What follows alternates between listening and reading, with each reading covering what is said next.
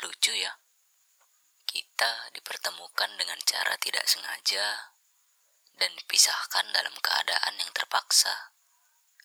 Melepasmu pada saat itu adalah hal terbodoh yang pernah aku lakukan.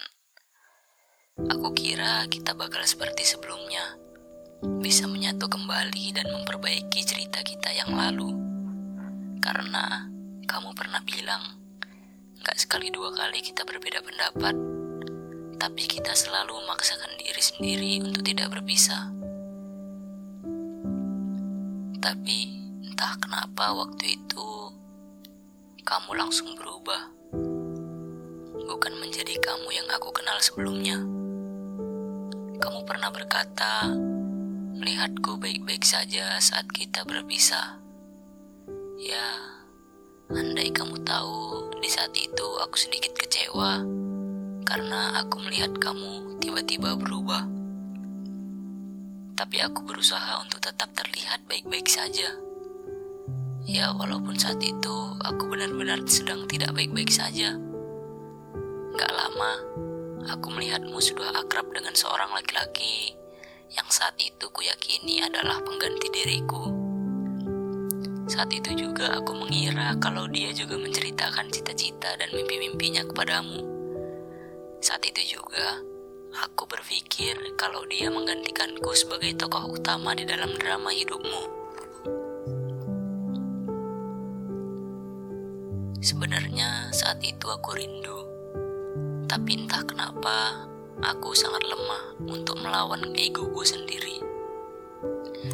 Kalau kamu tahu, banyak yang ingin mengganti peranmu di drama hidupku, tapi tetap tidak ada yang bisa. Akhirnya, aku memutuskan untuk tidak menerima siapa pun untuk mencoba menggantikan peranmu dan masih berharap kalau kamu mau mengisi peran itu kembali. Menjalani hidup yang kehilangan sebagian semangatnya memang susah. Tapi yang namanya waktu terus berjalan. Aku menjalaninya tapi tidak dengan menikmatinya. Seiring berjalannya waktu, akhirnya aku bisa mengalahkan egoku untuk kembali menyapamu. Tapi sepertinya kamu sudah bukan seperti yang aku kenal. Aku memang sangat keras kepala dan mencoba berkali-kali untuk menyapamu. Berharap aku bisa mengajakmu kembali mengisi peran yang telah lama kosong ini. Tapi kamu sepertinya terlalu tersakiti oleh cerita kita sebelumnya. Ya, mungkin ini balasan ke aku karena sudah menyakitimu selama ini.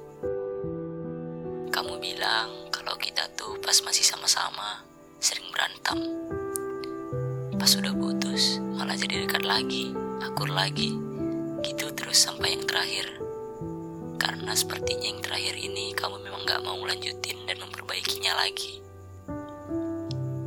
Karena setelah kejadian itu kamu langsung berubah dan kamu saat itu membuatku hancur dengan mengirimkan foto berdua bersama laki-laki yang aku tahu tidak sebanding dibandingkan dengan aku. Tapi jujur aja, saat itu aku ngerasa cemburu dan sedikit menyerah. Karena jika aku ingin mendapatkanmu lagi, harus bersaing dengan dia yang perbandingannya jauh di atas aku. Saat itu juga aku sadar diri bahwa aku ini hanya sebuah kulit kacang di antara tumpukan sampah. Sedangkan dia sebuah berlian di antara kumpulan emas. Tapi kembali lagi dengan diriku yang tidak bisa mengalahkan ego sendiri untuk mengatakan kalau aku sedang cemburu. Aku lebih memilih untuk mendukung kamu dengan dia. Ya karena dia memang jauh banget di atas aku. Saat itu juga aku pertama kalinya ngerasain insecure yang sangat dalam karena sebelum itu aku juga punya saingan yang masih bisa aku kalahkan. Tapi jika saingannya dia, sepertinya sekeras apa pun perjuanganku pasti akan kalah. Sepertinya kamu memang benar-benar sudah tidak ingin menjadi tokoh utama itu. Entah apa alasannya, kamu tidak memberitahu aku. Saat aku mengajakmu kembali menjadi tokoh utama itu, kamu memutuskan untuk menolak dan mengatakan tidak. Tampaknya kau sudah jenuh tahu juga sudah menjadi tokoh utama di hidup orang lain. Sekarang, tugasku hanya mencoba menerima orang lain untuk menempati tokoh itu. Tapi aku tidak mau. Aku memang sangat egois. Kamu tahu nggak gimana rasanya hidup tanpa warna?